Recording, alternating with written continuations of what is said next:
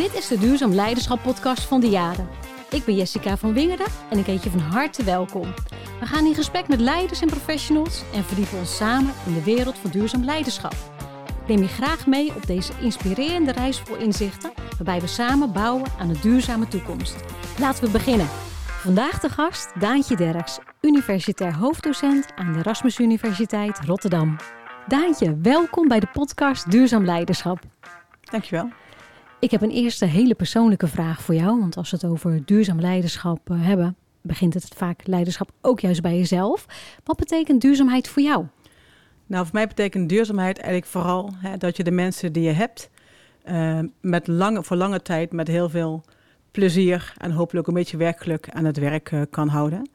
Um, ik zeg dat om twee redenen. De ene dat het heel moeilijk is om goed personeel te vinden. Ik werk zelf binnen de wetenschap. Het is lastig om goede wetenschappers te vinden. Die zowel qua onderwijs als qua onderzoek hun dingen goed kunnen doen. Um, en als je mensen geïnvesteerd hebt en mensen zitten goed op een plek, je hebt de selectie goed voor elkaar, dan wil je ze eigenlijk ook graag binden aan de organisatie waar je zit. Dus vandaar dat ik het een heel belangrijk eh, thema vind. Nou ja, in deze tijden van tekorten aan personeel denk ik zeker een heel, uh, heel belangrijk onderwerp.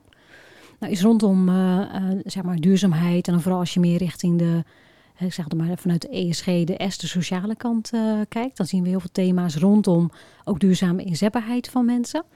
Waarom is duurzame inzetbaarheid zo'n belangrijk onderwerp? Nou, omdat je over mensen praat. Hè? Denk dat vind ik het allereerste belangrijkste argument ook. Hè? Ik denk de tijd toen ik ging werken, nu klink ik heel oud, ongeveer 25 jaar geleden. Toen waren er best wel werkgevers hè, die dan hele gestreste banen hadden. En die dan zeiden van nou, we willen de allerbeste mensen willen. We hebben de talenten. En als ze na vijf à tien jaar opgebrand zijn, prima. Zijn ze een paar maanden thuis en vervolgens gaan ze ergens anders werken. Maar hebben ze wel mijn bedrijfsnaam op hun cv staan. Dat was een beetje in die tijd eigenlijk, als je een goede baan wilde met carrière, een beetje de norm die veel bedrijven hanteerden. Um, maar je hebt wel over mensen. En een burn-out is een hele heftige ervaring voor mensen. Die uh, eigenlijk je voor je leven tekent, zeg ik wel eens. Um, dus daarom is het gewoon belangrijk om uh, mensen gezond en vitaal aan het werk te hebben en te houden. En ik durf zelfs zo ver te gaan, dat hele performance management. Ik ben zelf psycholoog van huis uit. Ja. Ik geloof daar niet zo in, moet ik eerlijk bekennen. Ik denk als je de juiste mensen selecteert en mensen in een kracht zet, dan heb je ze en duurzaam inzetbaar. En dan komt die prestatie eigenlijk uh, als het ware vanzelf. Ik vind het wel een mooie scherpe opmerking. Die zegt, ik geloof eigenlijk niet in performance management. Uh, kun je daar iets meer over vertellen? Want performance management wordt dan vaak toch al gezien. Gaat het echt over prestaties of is het meer zo'n gesprekcyclus? Kun je daar iets meer over toelichten? Ja, nou, um, ik zeg in elk geval prestatie. Ja. Uh, bestaat voor mijn gevoel niet in die zin dat je er echt op kan sturen. Dat betekent natuurlijk niet dat je geen doelen hoeft te hebben. Ik denk mm-hmm. wel, doelen kunnen mensen uiteraard verder brengen. En ook samen, zeker als je op teambasis werkt, uh, de koppen dezelfde kant op krijgen. En dat je samen ergens voor gaat. Dat vind ik belangrijk. Ja. Maar als je mensen echt op prestatie gaat sturen, dat is gewoon heel erg ingewikkeld. Als je bijvoorbeeld kijkt, hè, hebt elk jaar, ik kijk graag naar tennis, Wimbledon ja. bijvoorbeeld, heb je altijd een paar jonge talenten die eigenlijk onverwacht ineens ver in dat toernooi komen. Gaat supergoed, totdat ze het gevoel krijgen, hé, hey, ik zou wel eens kunnen winnen. Dan zie je vaak als het gevoel krijgen kan winnen, met andere woorden, de focus verschuift van de activiteit, de tennis, hè, want hoe sla ik ja. die bal, uh, welke effecten sla ik, hoe kan ik mijn tegenstander beïnvloeden, maar op, naar die prestatiedoel van ik zou wel eens kunnen winnen, dan gaat het vaak mis. Dus je hebt eigenlijk de focus op je activiteiten, op je taken, op je competenties nodig ja. om verder te komen. En zo gauw je dan het gevoel krijgt dat die prestatie dat wel zou kunnen lukken, dan is je focus weg. En ja, zie je ook vaak dat die prestatie uh, achterwege blijft. Dus als je als bedrijf alleen maar focust op prestatie van mensen, hè, bij ons zit veel focus op geld binnenhalen, subsidies, ja. Is ook een prestatiedoel. Maar je kan zeggen, we willen met z'n allen wat leren. Ja. Uh, welke doelen hebben we? Wat willen we als onderzoek of als onderwijs? Wat willen we bereiken? Voor onze studenten willen we graag wat voor mensen willen dat het worden straks als ze naar het werk gaan. Dan heb je hele andere gesprekken en hele andere kijk op dingen dan wanneer je alleen maar gaat kijken, we willen de rendement zo hoog mogelijk als het, uh, als het ware krijgen. Ja, maar dat vraagt dan behoorlijk uh, kanteling, denk ik, van manier waarop leiders uh, en leidinggevenden in de organisatie hun rol vervullen. Want nou, je gaf het net ook een beetje aan, traditioneel is het toch wel heel erg dat we zeggen, nou ja, weet je, we, nemen je op de dienst, we verwachten er iets van. Je hebt je targets en of het nou is dat je inderdaad uh, subsidiegelden moet binnenhalen voor onderzoek, of je werkt in een andere branche, een bepaalde omzet realiseren, of een aantal offertes eruit, of een aantal calls. En dan zijn we vaak toch bezig met letterlijk doelen op basis van lijstjes aftikken. Maar dat vraagt van een leider natuurlijk ook een hele andere manier dan van kijken en, en handelen. Kun je daar iets meer over vertellen, wat dat ja. van leiderschap vraagt? Nou, het vraagt inderdaad wel wat anders. En dan denk ik nog steeds dat omzet belangrijk is. Hè? Want Ja. als je bedrijf geen omzet maakt en je schoorsteen rookt niet, nou dan hè, heb je geen duurzaam inzetbaarheid. Dan, dan is het bedrijf bestaat niet lang Nee, genoeg om precies. überhaupt duurzaam inzetbaar te kunnen zijn. Dus je Ja. hebt die prestatie zeker nodig. Maar ik denk wel, als je mensen probeert te sturen op eh, leerdoelen in plaats van prestatiedoelen, eh, mensen de juiste begeleiding te geven. En ik vind als je naar leiderschap kijkt, wordt er heel veel gefocust op die leider. Terwijl het Mhm. eigenlijk maar de helft van het hele proces is. Je hebt ook de volgers, de mensen in je team, die uiteindelijk met z'n allen samen die taak eh, moeten gaan leveren. En als je beter kan aansturen op basis van de karakteristieken die mensen hebben, het ervaringsniveau, de persoonlijkheid, eh, wat ze nodig hebben aan bronnen om daadwerkelijk hun werk goed te kunnen doen, ehm, dan kan je er veel meer uithalen. En dat is inderdaad een, een stukje mindshift. Hè? Hoe kan ik mensen benaderen? Maar ik denk wel, als je op die manier mensen benadert, dat er een heel stuk stress wegvalt. Want Ja. als iemand alleen maar zegt, je moet presteren, presteren, presteren, zonder dat je uitlegt hoe je dat moet doen, of je de juiste middelen geeft om het te kunnen doen, ja, dan, dan raken mensen als een soort, ja, een soort verlamming, als een hertje in de koplampen van de auto. Ja, En dan lukt het niet meer. Dus denk als je vanaf dag één, bij voorkeur als mensen in dienst komen, eh, mensen goed begeleidt en ja, probeert adaptief te zijn aan de behoeften die mensen hebben. ja, En dat klinkt makkelijker dan dat is, hè? want we hebben tegenwoordig hele grote teams. Ik denk Ja. als je echt de behoeften van mensen eh, wil kennen, dan moet je ze regelmatig spreken. Dan heb je eigenlijk een 12 tot 15 mensen is behapbaar voor één persoon. Ja. Nou, kijk naar bedrijven, vaak teams van 50, soms wel 70 mensen.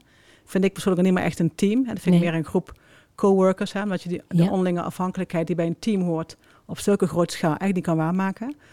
Eh, maar dat betekent dus dat je dat moet uitbesteden en andere mensen die ook in je team zitten. Dat betekent niet dat je alles in je eentje hoeft te doen, Mhm. maar wel dat je als leidinggevende probeert aan te sluiten bij de doelen en bij, ook bij de behoeften die bij de individuele werknemer binnen jouw team eh, ligt.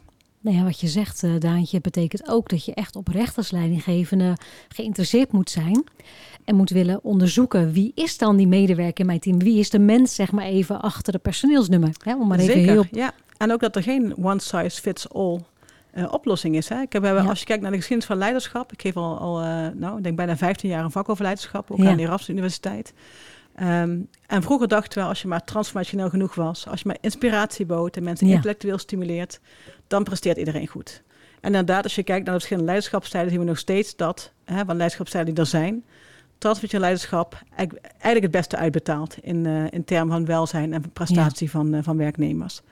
Maar eigenlijk is het natuurlijk maar de helft ook van het, eh, van het verhaal. Hè? Als je, ehm, jij gaat op andere dingen aan als mens, eh, wat je inspirerend vindt, wat je Ja. interessant vindt dan iemand anders. Dus ik zei altijd voor de grap, ik heb twee kinderen. Ja. Hè? ze- eh, een beetje opvoeden en omgekeerd ook. Ehm, wat voor de ene heel goed werkt eh, als strategie. Ik mijn eh, zoon is meer preventiefocust. Ik zei dat is een spelletje en die wil vooral niet verliezen. En mijn dochter wil winnen. Dat lijkt hetzelfde, maar het is echt totaal anders in de keuzes die ze maken. De ene is veel opportunistischer. En dat zijn er maar twee. Hè. Laat staan als je een, een team hebt waar 15, 20, 25 mensen... en die zijn allemaal verschillend in waar ze behoefte aan hebben. Wat ze van jou als leidinggevende verwachten. En toch vragen we dat bijna nooit. Want bij mij heeft Nee. nooit leidinggevende gevraagd... wat verwacht je eigenlijk van mij in, eh, in mijn rol als eh, leidinggevende? En hoe kan ik jouw leerproces en jouw werk het beste ondersteunen? Nog nooit in al die jaren dat ik werk. Interessant. Dus is ook echt een hele andere manier van kijken dan. Ja, zeker. Ja. Dus en fascinerend wat je ook zegt. Want je geeft een mooi voorbeeld aan de hand van je kinderen. Hè? Dat zijn dan twee smaken. Zijn er maar twee, ja. Dus wat jij zegt, dus stel je hebt een, eh, een team van twintig mensen, ontdek je in één keer dat je niet twee smaken mensen hebt, maar dat er een heleboel eh, zijn. Wat zou nou zeg maar een, een aanpak kunnen zijn om meer zeg maar naar dat eigen, regie- eigen regime misschien wel een beetje, dat mensen ook gewoon veel meer vanuit zeg maar hun talent en kwaliteiten gaan werken, dat ze zelf ook keuzes kunnen maken.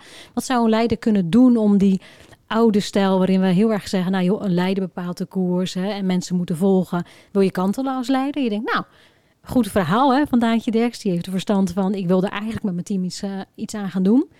Eh, nou zijn mijn mensen al heel lang gewend om naar mij te kijken. En ja, eigenlijk ben ik zelf als leider ook een beetje gewend om dan zelf maar ook de koers uit te zetten. Wat zijn nou stappen die je kunt zetten om dat te veranderen? Nou, ik denk dat het heel belangrijk is om jezelf ook een beetje op te voeden. Ja, En ook, eh, ehm, ik zou, als ik naar mezelf ook keek, ik werd leidinggever van een team waar ik zelf jarenlang onderdeel van was. ja, Dus dan denk je eigenlijk wel een beetje, oh, die is goed hierin, doet al heel lang dit, dus die, die kan dat goed. ja, Dus je vraagt eigenlijk in het begin weinig naar behoeften van mensen. Je denkt, oh, ik doe het lang dit, doe het goed, dus waarom zou ik er wat aan veranderen? En toch heb ik dit jaar, ik zit nu vier jaar in de positie waar ik in zit, ja, eh, tijdens de RNO-gesprekken, dus de functioneringscyclus, heb ik eigenlijk de hele eh, verhaal normaal losgelaten. Ik heb ik maar twee vragen gesteld. De ene is, Hè, hoe vind je dat het gaat en hoe kan ik jouw proces het beste ondersteunen? Ja. En de andere was, waar ben je goed in? Wat zijn jouw sterke kanten? En waar, ehm, ja, waar kan ik die het beste inzetten in de situatie, in de context waar we nu in zitten? Ik werd echt verrast door de dingen die mensen noemden als sterke kanten. En waarom? Hè? Uh, dingen die je zelf heel stom vindt. Daarvan verwacht je ook niet iemand anders het wel leuk vindt om te doen. Ik noem even één voorbeeld. Hè? De, Ja. de Excel-sheets die soms noodzakelijk kwaad zijn... en die je soms toch echt moet aanleveren management. Ja. Nou, ik haat Excel. ik kan er niks mee. Voor mij is het ruitjespapier. ik heb eens één collega, nou, nooit verwacht... die niks leuker vindt dan eh, Excel-overzicht te maken. Top. Dus die, gaat helemaal, die fleurde helemaal op. Die ging daarmee beginnen. Qua behoeften... eh, wij hebben een hele autonome eh, werkplek. Mensen kunnen doen eigenlijk en laten wat ze willen, zolang ze een onderwijs maar geven. En onderzoeksoutput hebben is vrij resultaatgericht in Ja. output. Hè, dus dat eigenlijk wel rijmt slecht met performance management, wat wij eigenlijk niet doen, hè, zou, zou je kunnen zeggen. Ehm, en we denken altijd maar als mensen maar genoeg autonomie hebben, dan kunnen ze die werkdruk wel handelen. Terwijl we ook mensen hebben die eh, nog heel weinig ervaring hebben, die nog Ja. heel junior zijn. En die verdronken letterlijk tijdens de coronatijd naar alle autonomie die ze hadden. Dus een stukje directief leiderschap, wat in Nederland eigenlijk nat dan is. Hè? Mensen vertellen wat ze moeten doen, zeker als het hoogopgeleide mensen zijn. Dat vinden we heel ongemakkelijk en onprettig. Ja. Die mensen hadden wel behoefte aan. Mensen kwamen mij vragen, eh, s s'morgens, van eh, wat moet ik vandaag doen? Ik dacht, wat moet ik vandaag doen? dat, dat kan je ook wel zelf zijn. Moet ik jou op dit niveau gaan vertellen wat je vandaag Ja. moet doen?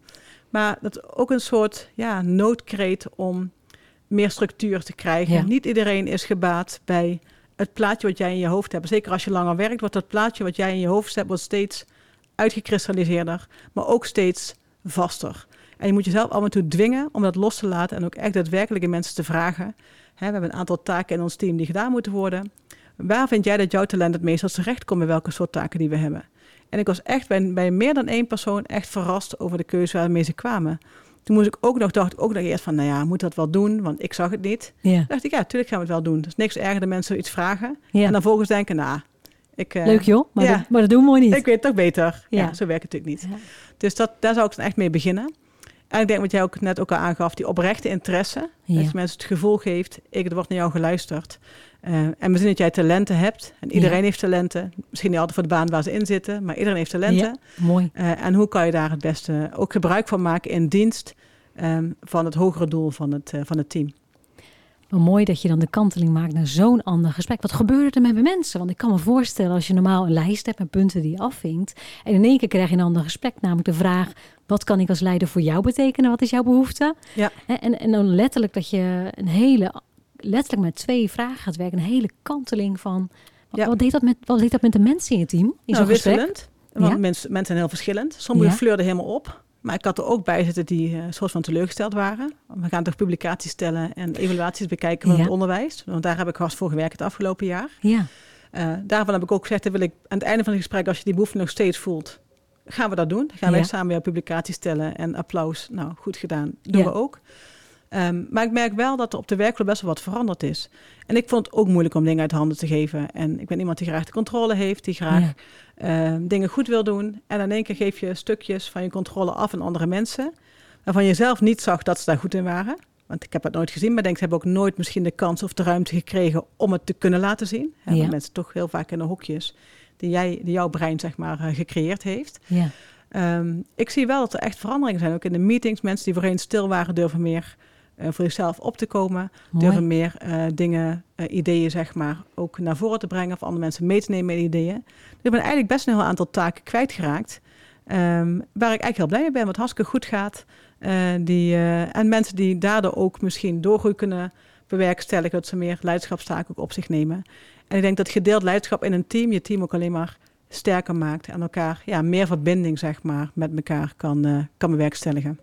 Ik kan me voorstellen, Daantje vertelde net, hè, ik wil graag de dingen goed doen. Ik vind het ook lekker als ik een beetje controle heb. En dan Zeker, komt ja. dat ongemak dat je het loslaat. Wat deed dat met jou als leider? Nou, voor het begin best lastig. Zoals ik al zei, hè, dus je hebt bepaalde mensen die, uh, die heel dicht bij je staan, die je heel lang kent. En daar ja. waar je heel makkelijk iets aan vraagt. Hè. Je vraagt ook altijd dingen aan dezelfde mensen. Viel me ook op, waardoor die mensen overbelast raken. En de anderen denken, ja, ik wil misschien wel een kans. Hè? Een beetje zoals je als moeder soms denkt van niemand doet wat in huis. en uh, later denk je, heb ik eigenlijk mensen wel de ruimte gegeven om hè, initiatief te ontplooien. Je moet ja. mensen wel de ruimte geven. Als je een plantje geen ruimte geeft in je tuin, gaat hij ook dood. En dat hij fleurt niet op, hij bloeit niet op. En die ruimte geven, dat is ook een stukje van je eigen ruimte opgeven voor het doel van een ander. Maar ik dacht al vrij snel, denk, als ik mensen vraag om een stukje van hun eigen ik uh, op te geven of ondergeschikt te maken naar teambelang, dan moet ik daar zelf ook het goede voorbeeld in geven. Ja. Dus dan moet ik ook zeggen, oké, prima, Derks, hè, tegen mezelf, uh, pas op de plaats. Je gaat gewoon aankijken. Je geeft mensen een jaar de tijd. Als je na een jaar denkt, nou, dit, dit wordt echt niks. Of het, het loopt echt in de soep. Of, en mensen hebben andere aanpakken. Dus ik had wel met ze afgesproken. Ik vind dat je mag het op je eigen manier doen. Ja. Maar het is wel een bepaalde standaard voor uh, het resultaat wat het oplevert. Hè, qua kwaliteit en van de dienstverlening die, die wij als universiteit zeg maar leveren. Uh, en mensen verrassen je echt in positieve zin. Er zijn mensen, als mensen die kans krijgen en die verantwoordelijkheid, lopen ze echt de kantjes er niet af. Want ze hebben immers zelf gekozen om dat deel ook uh, te willen oppakken.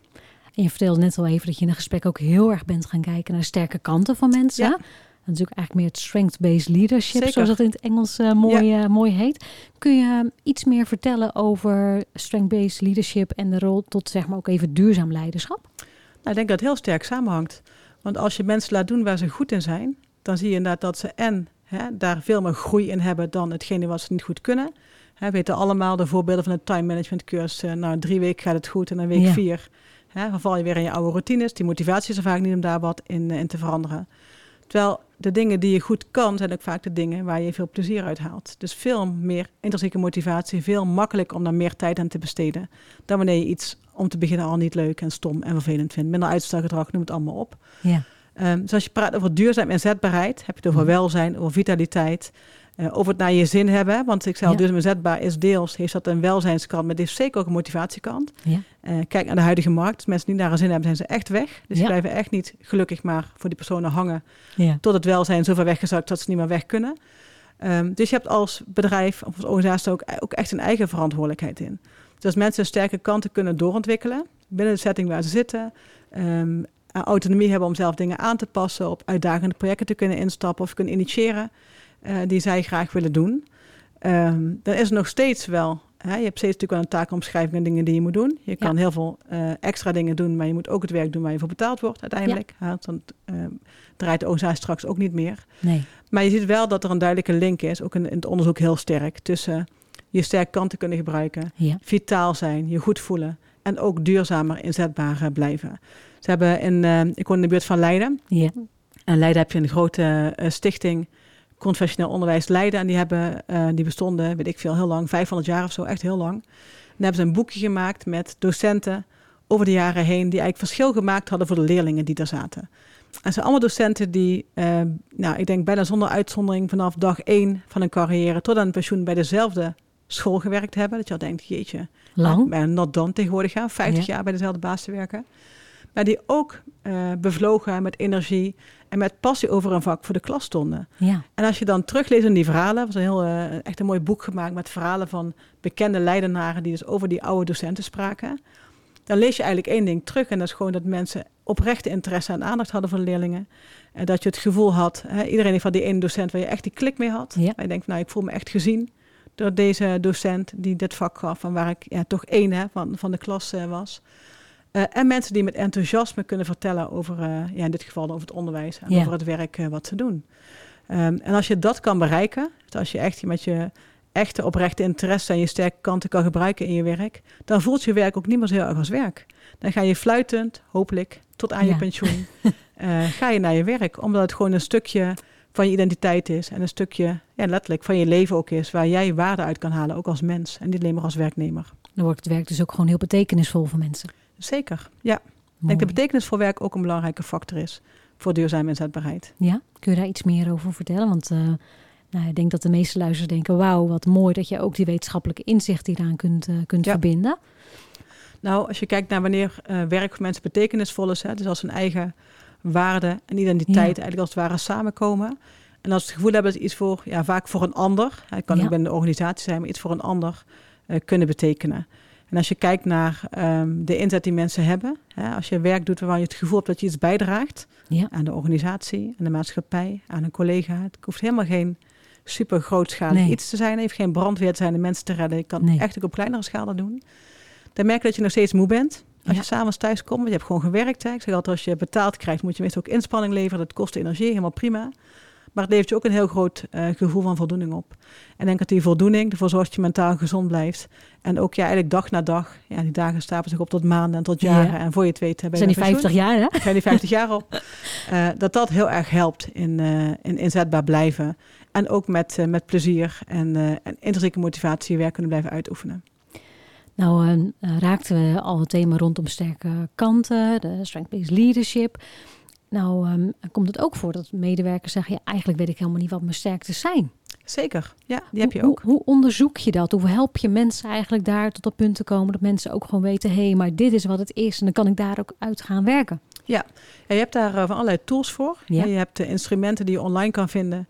je hebt bijvoorbeeld de, de VIA, een character strength. Dat gaat meer over karaktereigenschappen. Ja die al dan niet bijdragend zijn binnen een bepaalde context. Druk me heel voorzichtig uit, dat is met reden, hè, want je hebt, uh, er moet ook een match zijn tussen jouw persoon en de omgeving waar je zit. Ja.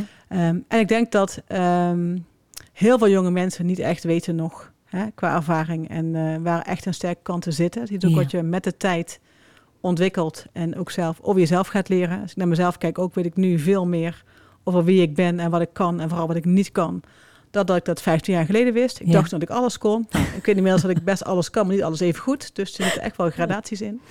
Um, dus ook wel een proces wat je samen moet aangaan. Maar ik denk wel dat het belangrijk is om uh, de persoon daar ook zelf over uh, aan het werk te zetten. Want het is heel makkelijk om als leidinggevende in te vullen voor iemand, wat iemand in jouw ogen iemands sterke kant is. En dan mis je eigenlijk de boot, want als ja. iemands identiteit en waarde daar niet in kwijt uh, kunnen. Dus ik, um, om een voorbeeldje te geven, ik heb uh, in mijn studententijd in een callcenter gewerkt. Heb ik staatsloten verkocht en uh, naïeve mensen die telefoon opnamen.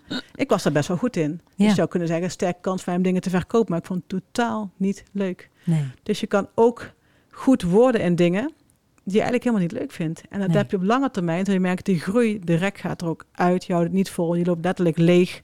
Want een stukje betekenis, waar we ja. het over hadden dat ontbrak voor mij heel erg in, in die hele commerciële setting waar ik toen in zat. Ja. Voor mij was zo'n de motivatie om een studie af te maken. En, ja, uh, precies. Mooi bijbaan. precies, iets anders te gaan ja. doen. Maar dan zie je wel dat het wel belangrijk is dat die sterke kanten daadwerkelijk vanuit de persoon zelf komen. En niet iets wat um, opgelegd wordt door je leidinggevende, want jij kan dit goed, dus hè, jij vindt het leuk, hoor je ook heel vaak ja. mensen zeggen. Hè? Jij vindt het leuk. Nou, dan zie je mensen een beetje zo weg, uh, wegduiken, ja. wegkrimpen van nou, eigenlijk helemaal niet. Ja. Maar dat durven zeggen is natuurlijk alweer ook wel wat anders. Ja, nou, en het is een mooie combinatie die je ook aangeeft, Daantje. Want het gaat niet alleen om wat kun je goed, maar ook wat vind je dan ook leuk. Zeker, ja. He, dus die combinatie. Het, het, hangt, het hangt gelukkig vaak samen. Hè? Als je ook een, uh, een kinder op de basisschool, middelbare school vraagt welke vakken ze leuk vinden, zijn bijna al te vakken waar ze ook goed in zijn. Ja. Maar het is wel goed om het even te checken voor de zekerheid. Ik vind het ook overigens mooie toetsen die aangeven van nou misschien moet je dan ook wel in de plaats van vragenlijsten of misschien maar gewoon eens naar je oude rapport kijken. Dan kijken ja. van waar had ik dan altijd een goed cijfer voor als ja, kind. Precies. Misschien wel van de basisschool tot de middelbare school. Wat vond ik toen belangrijk en wat, ja, wat vond ik toen echt leuk om te doen. ja. ja. Heel mooi. Uh, Daantje, we hebben in de podcast ook altijd een aantal dilemma's die we je willen voorleggen. Dus ook uh, in deze uitzending voor jou een aantal dilemma's. Ik ga je ze voorlezen. Je mag kiezen elke keer uit één van de twee. En aan het einde na de drie dilemma's uh, vraag je op één van de dilemma's en je antwoorden een toelichting te geven. Daar komt hij. Leiding geven of leiding nemen? Um, leiding nemen. Duurzame zetbaarheid is de verantwoordelijkheid van de medewerker of duurzame zetbaarheid is de verantwoordelijkheid van de werkgever? Uh, werkgever in de eerste plaats. Doe maar duurzaam of doe maar gewoon? Ik dacht, nu komt het doe maar duur. uh, nee, doe maar duurzaam. Op welke van de antwoorden wil je toelichting geven? Die eerste. Ja. En uh, leiding geven, leiding nemen. Ja. Er zit natuurlijk heel veel discussie in. Ja. Um, en ik heb die gekozen omdat ik hoop en ook graag wil dat de mensen in mijn team ook leiding nemen. Zodat ze zelf initiatief nemen. Ja. Um, je bent als leidinggevende, net zoals je werknemers in je team, ook uiteindelijk het einde van de dag een mens en een werknemer die dingen ja. goed kan, dingen minder goed kan. Um, en ik denk als je richting gedeeld leiderschap wil, um, volledig zelfsturende teams, ben ik dan niet mega fan van. Ik denk dat teams die het beste functioneren, hebben zowel een uh, hiërarchisch leidinggevende als dat er binnen een team dingen gebeuren. Dus ik hoop heel erg dat ik genoeg ruimte bied uh, om eigen initiatieven te ontplooien, zodat de mensen ook in plaats van alleen maar volgen, ook zelf een stukje leiding nemen binnen de ruimte die daar in het team uh, geboden wordt. is denk ik een hele mooie benadering. Je zegt leiderschap moeten zijn en mensen moeten ruimte voeren ook om leiding uh, te nemen. Heb je nog tip voor leiders ook? Wat zouden leiders kunnen doen om dat gevoel van hè, er is ruimte, want jij benoemt het nu. Hè, ik zou het heel mooi vinden als mensen leiding nemen. Wat kunnen leiders doen om hun mensen dat te laten ervaren of ruimte daarvoor te bieden? Ja, dat is een goede vraag. Want ik denk dat het best lastig is als je al twintig jaar leidinggevend bent en dan doet zoals je het altijd gedaan hebt. En ja, waarom zou je wat veranderen? Zeker als je resultaten goed zijn. Uh, mijn gouden tip is eigenlijk om een paar mensen om je heen te verzamelen. Die je als het even meestal lang kennen en die je echt oprechte feedback geven. Ja. want macht en status verandert mensen, dat weten we. Ja. En weet ook dat hoe hoger mensen in de boom komen en in de organisatie komen, hoe meer ze in dat feedback vacuüm terechtkomen. Er zijn weinig mensen die echt oprecht durven zeggen tegen leidinggevenden dat ze iets niet leuk vinden of iets slecht vinden of uh, misschien zelfs wel onveilig vinden. Wat, waar tegenwoordig heel veel aandacht uh, voor is. Dus verzamel een paar mensen om je heen, die, waarvan ik altijd zeg, die zo hard schoppen dat het pijn doet. hè, totdat je luistert en echt dingen gaat veranderen.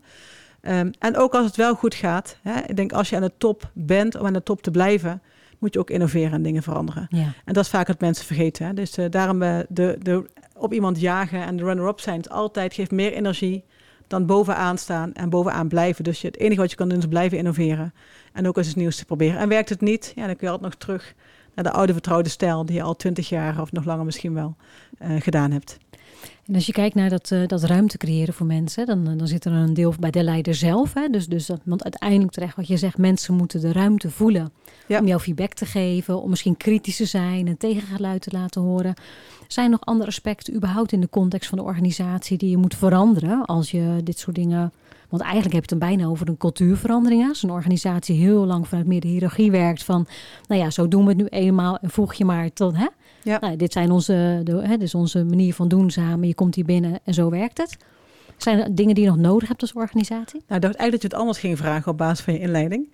Uh, dat ga ik even eerst kort aanstippen. Namelijk, mm. is iedereen wel in staat? Kan, mag je iedereen verwachten ja. dat ze zelf initiatief nemen? Uh, hè, sommige mensen zijn makkelijker om uh, initiatief te nemen of dingen ja. te vragen of eigen autonomie te regelen of misschien de jobcraft dan andere mensen dat zijn. Ja. Dus dat is al één. Dus heb daar oog voor.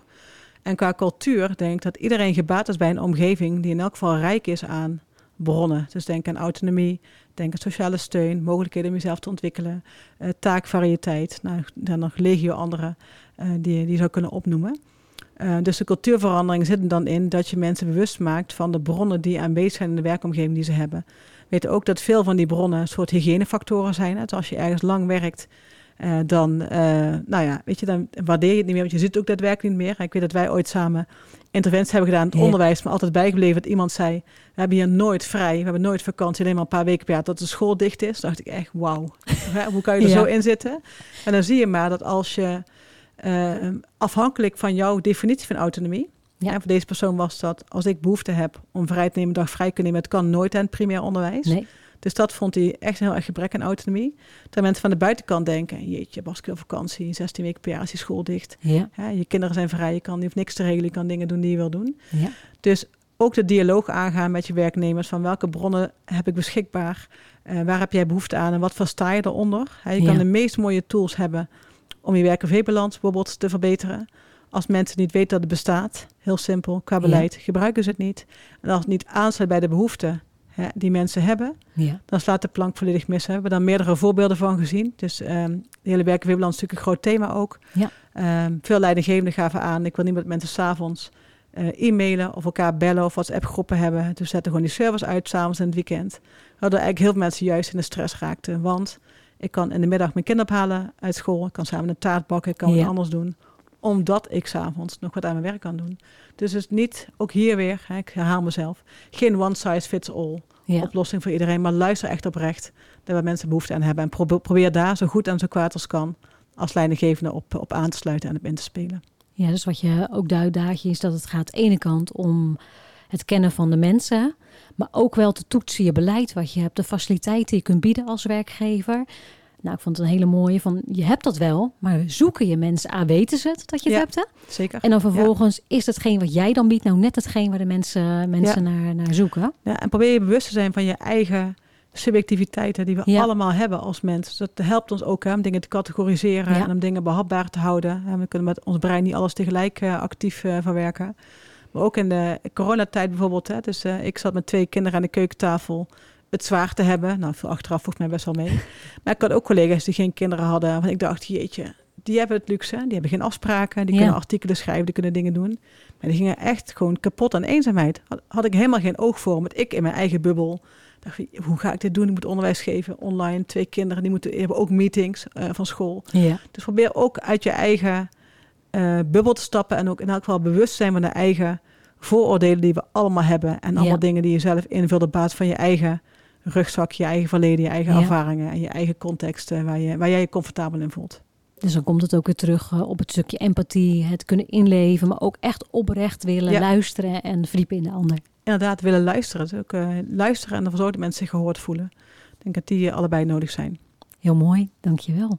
Ik heb aan alle gasten in de podcast altijd een belangrijke afsluitende vraag. En dat is namelijk de vraag: van welke les rondom duurzaamheid heb je zelf geleerd die je graag zou willen delen met de luisteraars?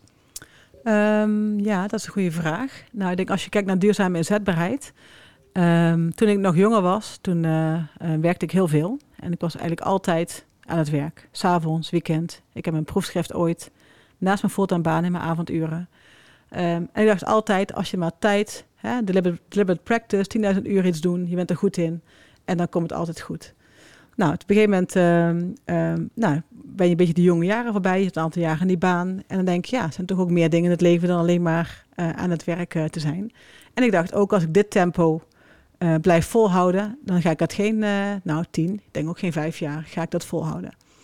Dus heb ik tegen mezelf gezegd van, nou luister, hè, als je probeert om de tijd die je werkt echt vol focus en efficiëntie en enthousiasme te werken, dan krijg je misschien wel in die vijf uur dat je echt gefocust bent, misschien wel meer gedaan dan die twaalf uur die ik dan vaak werkte. Hè, maar ook eh, praat je hier gezellig, collega helpt met iets, dan noemt het allemaal op.